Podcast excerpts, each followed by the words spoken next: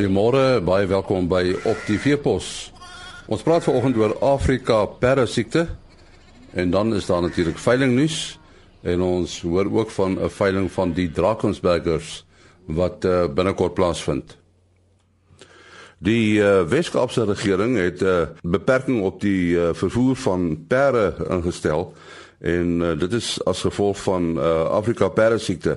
Ons praat met dokter Henk Passon uh, oor hierdie siekte. Uh, kom hierdie siekte dikwels voor in die Weskaap, uh, Henk? Nee, die die siekte kom nie dikwels voor in die Weskaap nie. En dit is hoekom die kwarantaingeriewe vir uitvoer van perde na na Europa en na die buiteland uh, gebou is en ontwikkel is in die Weskaap. So die siekte dis dis 'n groot rede veral om die kwarantyne in daai gebiede die siekte kom nie baie daarvoor nie. Siekte is 'n siekte wat baie meer voorkom in Gauteng en Natal en in Limpopo provinsie en tot 'n mindere mate in die Vrystaat provinsie en in en nog en ook 'n mindere mate in, in die Noord-Kaap provinsie. So die Weskaap uh die siekte kom glad nie gereeld daarvoor nie, maar die muggie wat die siekte dra met ander woorde uh die kilikoides muggie uh kom wel voor in die Weskaap.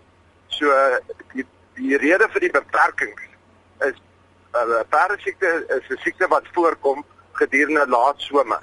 Dit begin gewoonlik nou die Februarie Maart se kant dit kan strek tot Junie maand. So dit is die aktiewe dele maar jy kan enkele gevalle kry soos wat ons verlede jaar gekry het al, al in November uh in in die in in Desember. Uh ek dink die groot voordeel van die droogte as ons enigstens kan sê 'n droogte te voordeel is dat daar baie minder muggies was hierdie jaar. So tot op hede was daar nog net enkele uitbrake van perdesiekte hierdie jaar. Um uh, gister het ek met uh, iemand gepraat wat sê daar was een in Graafrenet en daar was enkele maar daar was uh, enkele nou nie in die in die Gauteng area. Die rede hoekom daar nou kwarantyne gestel is is dat ons geen beweging wil hê van perde wat uh positief wat wat uh perde siekte in inkubasieperiode het uh dan in vervoer in die Kaap wat dan die siekte kan versprei omdat die muggie wel daar voorkom.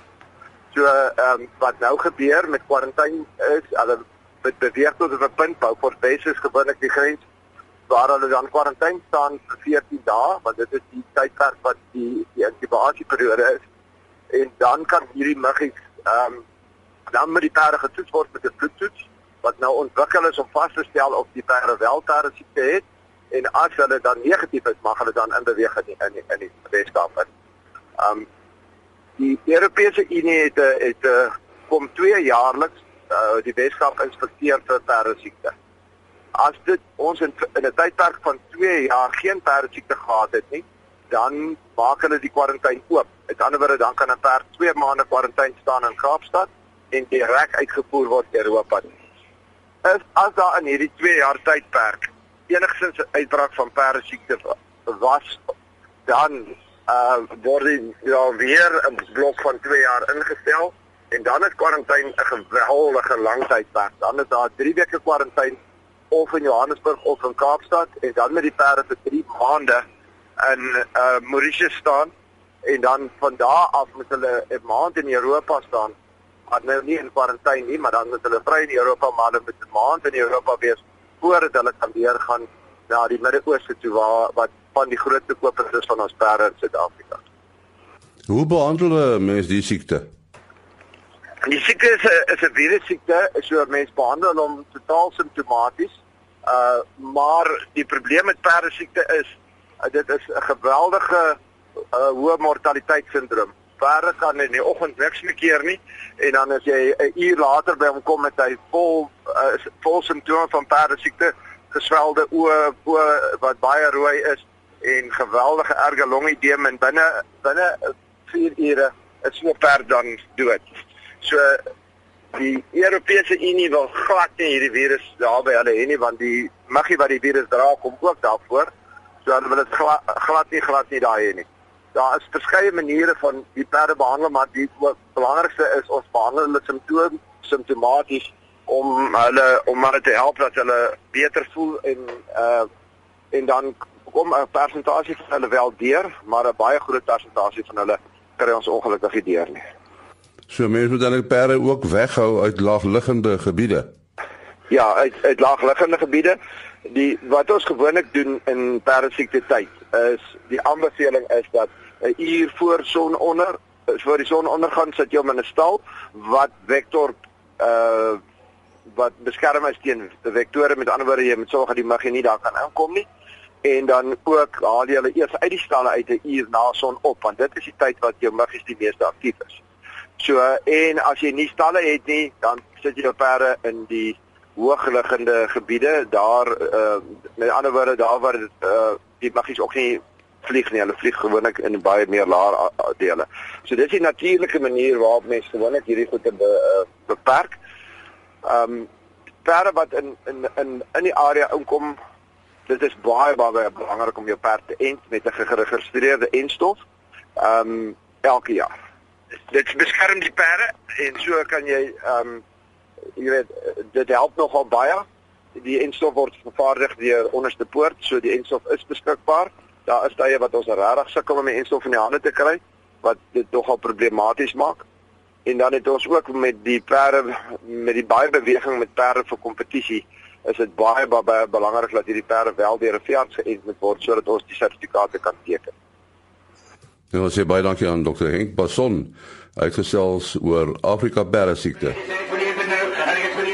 Nou eers veiling nuus. Op die 9de Februarie is daar 'n veiling by Rubicon Marinos in Bakkie Oos. 60 ramme, 206 stand en volback oeye. BKB sentraal is die maatskappy. FEM doen so op die 10de Februarie uh, by Burgersdorp 'n uh, veiling en daar is 100 AA en A ramme, 300 jong oeye, 150 oeye en die veilingmaatskappy is BKB sentraal.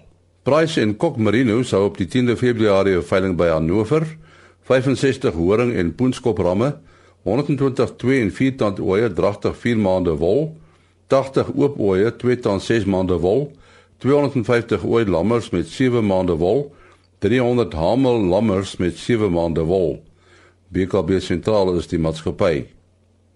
Profeld Bonsmara sou 'n produksieveiling op die 10de Februarie by die Vryburg skougronde 40 veldgetoetste stoetbulle 350 kommersiële vroulike diere in alle produksiestadia word opgeveil deur Noord-Kaap Lewende Hawe Vryburg. Op die 11de Februarie van die 32ste Gruiling SA vleismerino produksieveiling plaas. 10 stoetramme, 50 veldramme, 40 stoetoeie, 200 kommersiële oeye. Link Merino sou ook op die 11de Februarie 'n veiling by Jagersfontein 300 oeye, hamels en lammers, 70 horing en poenskop ramme. En BKB sentraal is die veilingmaatskappy. Die tweede promosieveiling van Sentraal Karoo Meatmasters vind op die 11de Februarie plaas by Drie Susters. 350 gekeerde oeye dragtig en jonk, 40 gekeerde Meatmaster ramme.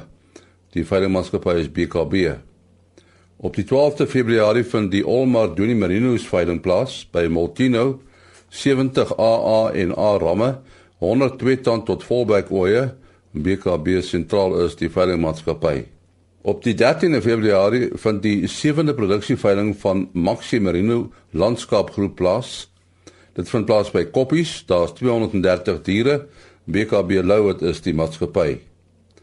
Majobe Merino sou op die 13de Februarie tydens die Rights Billy Millie Fees uh, veiling 50 geregistreerde stoetramme en 50 tweetand stoetoeie. BKB Louet is die maatskappy. 8085 Tot sover veiling nuus. Ons uh, gesels nou met uh, Willie Landman, hy's 'n raadslid van die Drakensberger Beestelers-genootskap. Nou uh, hulle hou uh natuurlik elke jaar 'n nasionale veiling. Wanneer vind uh, vanjaar se veiling plaas, Willie?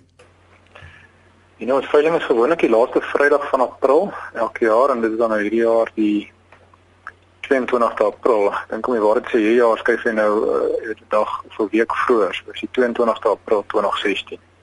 En, en die veiling, die nasionale veiling, hoe hoe lank bestaan hy al? Dis hierdie jaar die 5de agtereenvolgende jaar wat ons omhou um, in die vorige ek dink voor verspreek lank terug in die vorige eeu so in, in tot en met 1999 was hy op 'n redelike gereelde grondslag gehou en toe was daar nou 'n tydjie wat hy nie plaasgevind het nie, maar so in 2011 ehm um, het, het 2012 het ons weer begin en dis nou die 5de een hierdie jaar. En ver, verwag jy dat die droogte 'n uh, invloed gaan hê op die veiling? Ja, ek dink uh, huidigelik het dit so groot so groot invloed op die op die op die landbou in Suid-Afrika. So ek, ek dink dit dit sal seker agter nalatig wees om te dink dat dit nie nie kan hê nie.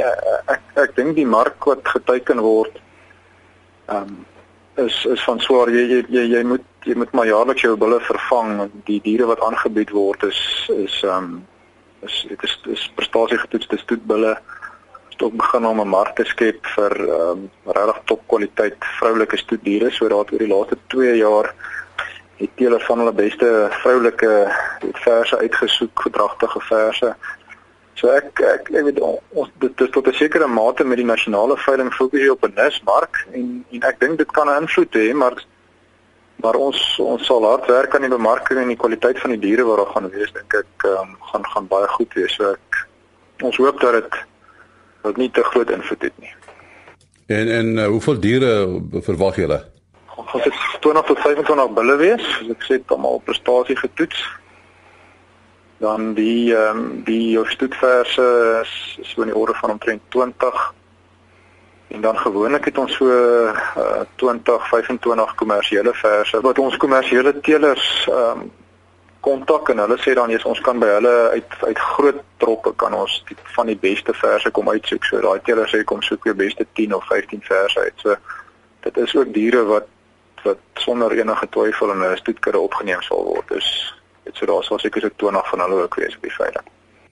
Ja, die Drakensberger staan bekend as as 'n baie goed aangepaste dier. Hoekom is dit so? Die diere, dis dis uit die aard van ook een van die inheemse rasse in Suid-Afrika, so uit 'n uit 'n lang geskiedenis in die land. Ek dink dit is maar oor jare in die diere ingeselekteer en ingeteel. Ehm um, ek dink as jy as jy vandag rondry, let 'n bietjie op in hierdie moeilike omstandighede, hoeveel kalvers sien jy by by Drakensberger koeie en troppe? Die die koeie het hoë hoë persentasie gekalf self die jaar in die moeilike omstandighede en hulle kondisie lyk nog regtig goed, jy weet. So vrugbaarheid en temperament, vrugbaarheid en en speenprestasie is is baie baie goed by die diere. So dis maar oor jare ingeselekteer. Nou as mense meer inligting oor die veiling wil hê, uh, met wie moet hulle in verbinding tree? Weet jy, hulle kan ons webtuiste besoek is um, www.drakensbergers.co.za of hulle kan myself skakel, dis Willie Landman 083 2578511. En net weer die datum van die veiling en waar dit plaasvind? 22 April, dit vind plaas by die Afridome in Parys. Baie dankie Willie Landman, hy's 'n raadslid van die Drakensberger Teelersgenootskap daarmee ook die einde van ons program. Tot môreoggend om 4 voor 5. Alles van die beste en mooi loop.